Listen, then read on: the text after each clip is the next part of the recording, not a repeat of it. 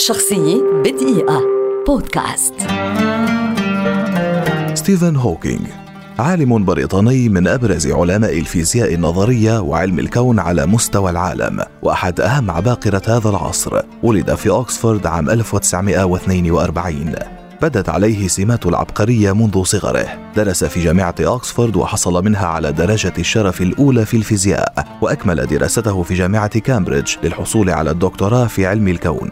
عانى هوكينج من شكل نادر مبكر الظهور وبطيء التقدم من التصلب الجانبي الضموري وقد أعلن الأطباء أنه لن يعيش أكثر من سنتين ومع ذلك جاهد المرض حتى تجاوز عمره الخمسة وسبعين عاما. ومع تطور مرضه أصبح هوكينج غير قادر على النطق أو الحركة. فقامت شركة إنتل بتطوير نظام حاسوب خاص يستطيع هوكينج من خلاله التحكم بحركة كرسيه والتخاطب وإصدار الأوامر عن طريق حركة عينيه ورأسه. لذا يعتبر هوكينج قدوة في التحدي والصبر ومقاومة المرض وإنجاز ما عجز عنه الأصحاء. أنجز هوكينج أبحاثا نظرية بالغة الأهمية في علم الكون وأبحاثا في العلاقة بين الثقوب السوداء والديناميكا الحرارية. كما أن له ابحاثا ودراسات في التسلسل الزمني وقد ترك مؤلفات وكتبا علمية تعد من أبرز ما أنجز في مجال الفيزياء في عصرنا هذا إضافة إلى تميزه ونشاطه في الأعمال الاجتماعية والخيرية والدعوة للسلام العالمي.